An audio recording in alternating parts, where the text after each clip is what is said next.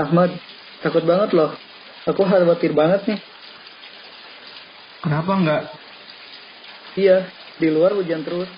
Aku takut ada badai dan banjir bandang, mirip di sintil pengabdi setan. Ih, serem Ya banget. ampun. Angga, kamu pasti movieaholic banget ya. Kamu update banget nih sama film-film yang lagi viral di tahun 2022. Em, tapi, scene yang kamu bilang barusan ini bisa terjadi di dunia nyata loh. Contohnya banjir bandang yang melanda kota Gangnam di Korea Selatan baru-baru ini. Hah? Demi apa? Serem banget. Sampai satu kota terendam banjir dan badai. Itu sih lebih serem dari scene di pengabdi setan deh. By the way, kok bisa sampai kok bisa sampai gitu sih? Ya ampun, kamu belum tahu penyebabnya nggak? Makanya, eh, jangan telan terus yang diupdate. Berita lingkungan dan perubahan iklim juga harus kamu update. Nah, cocok banget nih buat dengerin podcast calling episode 2 kali ini, yang mana kita bakal bahas banyak nih mengenai climate update and how you to respond to it. Halo Enviro Rangers, selamat datang kembali di podcast Lingkungan Hidup. Calling, Kongkol Lingkungan. Kenalin aku Angga Dan aku Ahmad, dari Departemen Lingkungan Hidup BEM Kemaunpad.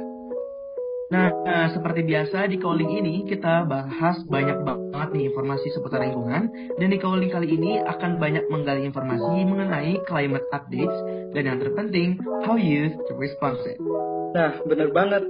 Seperti yang udah aku singgung di awal, kalau akhir-akhir ini tuh sempat terjadi badai dan banjir bandang di kota Gangnam, Korea Selatan.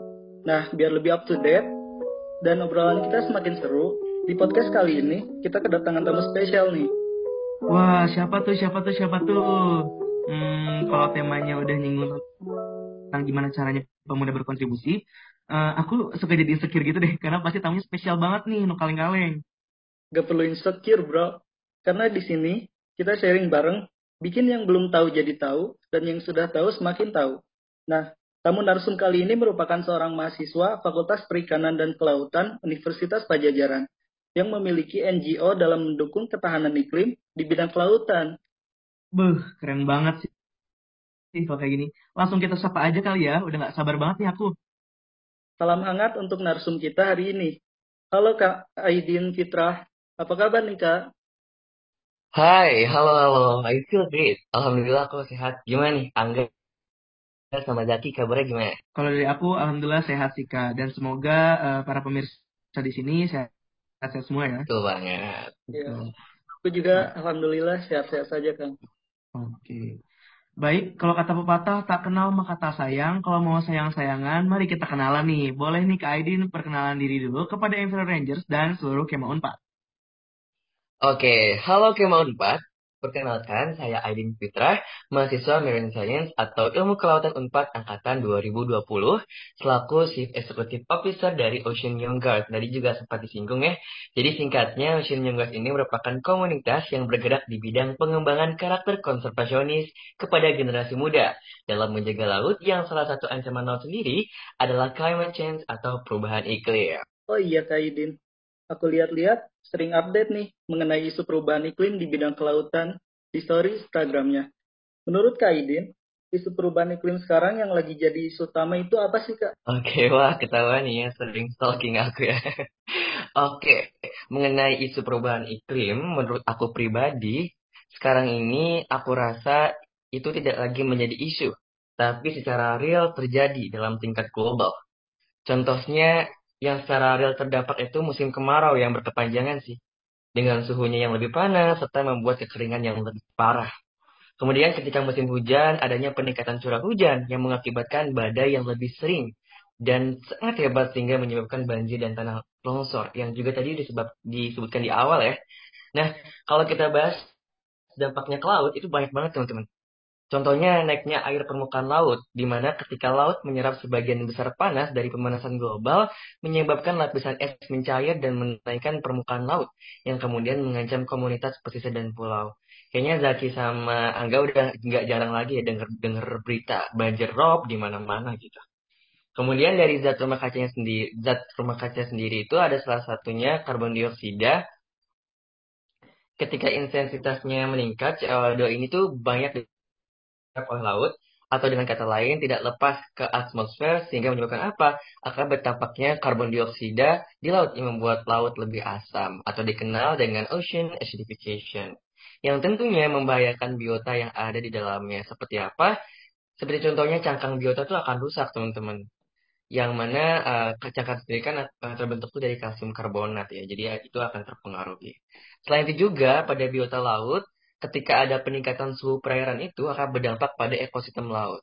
Contohnya deh, kita kan kagum gitu ya sama coral reef atau terumbu karang kalau kita snorkeling gitu atau diving. Kita dimanjakan dengan keindahan warna-warnanya yang beragam dan cantik-cantik lah bentuknya. Dengan adanya pemanasan suhu perairan, terumbu karang itu akan memutih atau kita kenal dengan coral bleaching. Kemudian, kalau kita keluar dari faktor lingkungan atau dari faktor rasa empati terhadap biota, dalam sektor ekonomi sendiri, perubahan iklim itu dapat meningkatkan faktor-faktor yang membuat orang menjadi dan terus miskin. Dari bencana-bencana seperti banjir itu kan dapat menyapu daerah kumuh di perkotaan ya, menghancurkan rumah dan mata pencaharian, yang mana membuat makin banyak orang yang rentan terhadap kemiskinan. Itu sih dari aku, untuk secara global.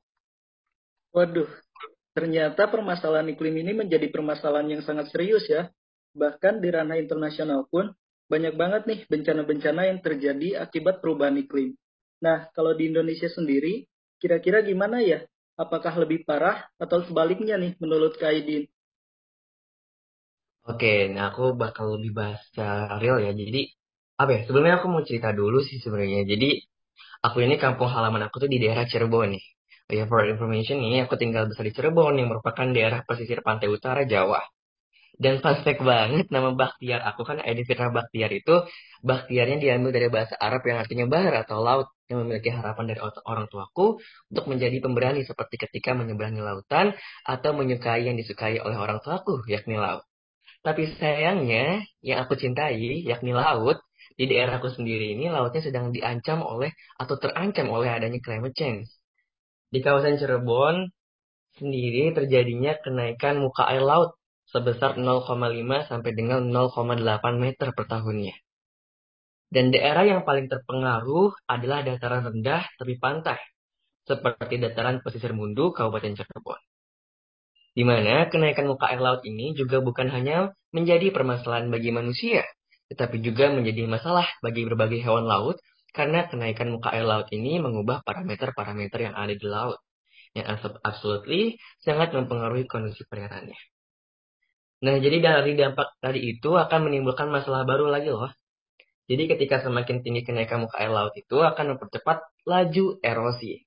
Hal itu berarti bila terjadinya perubahan muka laut dan mempengaruhi perubahan garis pantai, maka besar perubahan garis pantai yang akan terjadi akan lebih besar dan juga akan lebih cepat di sepanjang pesisir Cirebon sendiri mengalami fenomena erosi dan sedimentasi, di mana lokasi-lokasi yang mengalami fenomena erosi yaitu Kecamatan Kapetakan, kemudian ada sebelah timur Pangenan dan sebelah timur Losari. Dan kemudian area terbesar yang mengalami erosi adalah Kecamatan Losari dengan sebesar 6 km persegi dengan besar laju erosi adalah 0,4 km per tahunnya.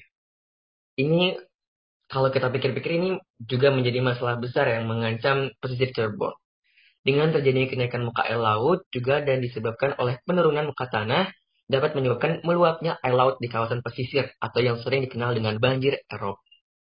Dan seperti pada pesisir Mundu yang memang sering nih saya ke daerah Mundu nih, di mana air lautnya itu tuh menggenangi 300 rumah warga sekaligus. Kejadian tersebut terjadi di tahun 2022 di tahun ini loh teman-teman. Di hari Senin 20, 20 Juni 2022. Adanya banjir rob ini di pesisir Cirebon disebabkan oleh keadaan air laut yang pasang. Hal tersebut diperparah dengan adanya kenaikan muka air laut ditambah lagi penyusutan muka air tanah yang terjadi. Jadi kita bukan lagi membahas isu tapi ini membahas memang terdampak. Dan aku juga merasakan dampaknya di daerahku sendiri. Dari adanya banjir rob tersebut, beberapa wilayah di Kabupaten Cirebon, khususnya yang berprofesi sebagai penambak garam, terkena dampak lanjutan, yakni terendamnya lahan tambak mereka. Hal tersebut menyebabkan produksi garam terganggu tentunya kan.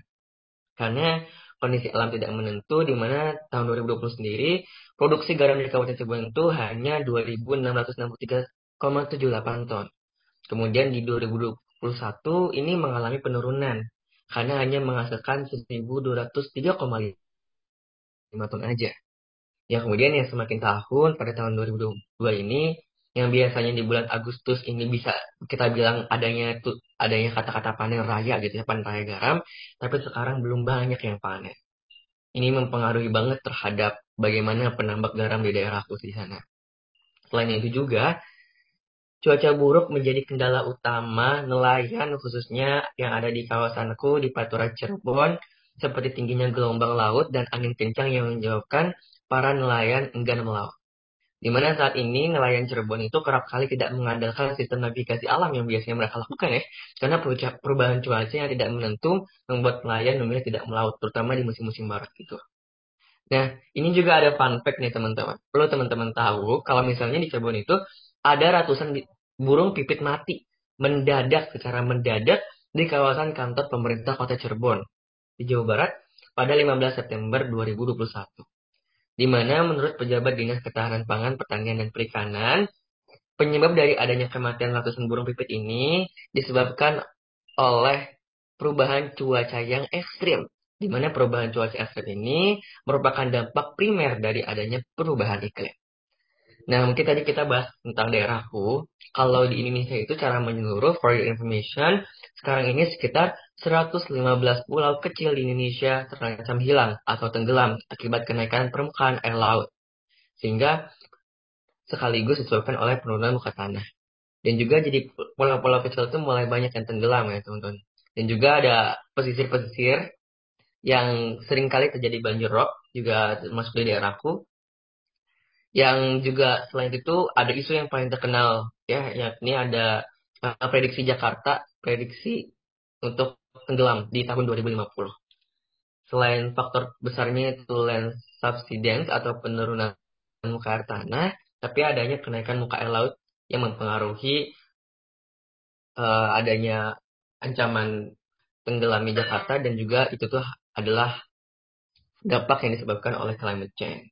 Sepertinya itu dulu nih dari yang secara Indonesia dan daerahku sendiri secara realnya.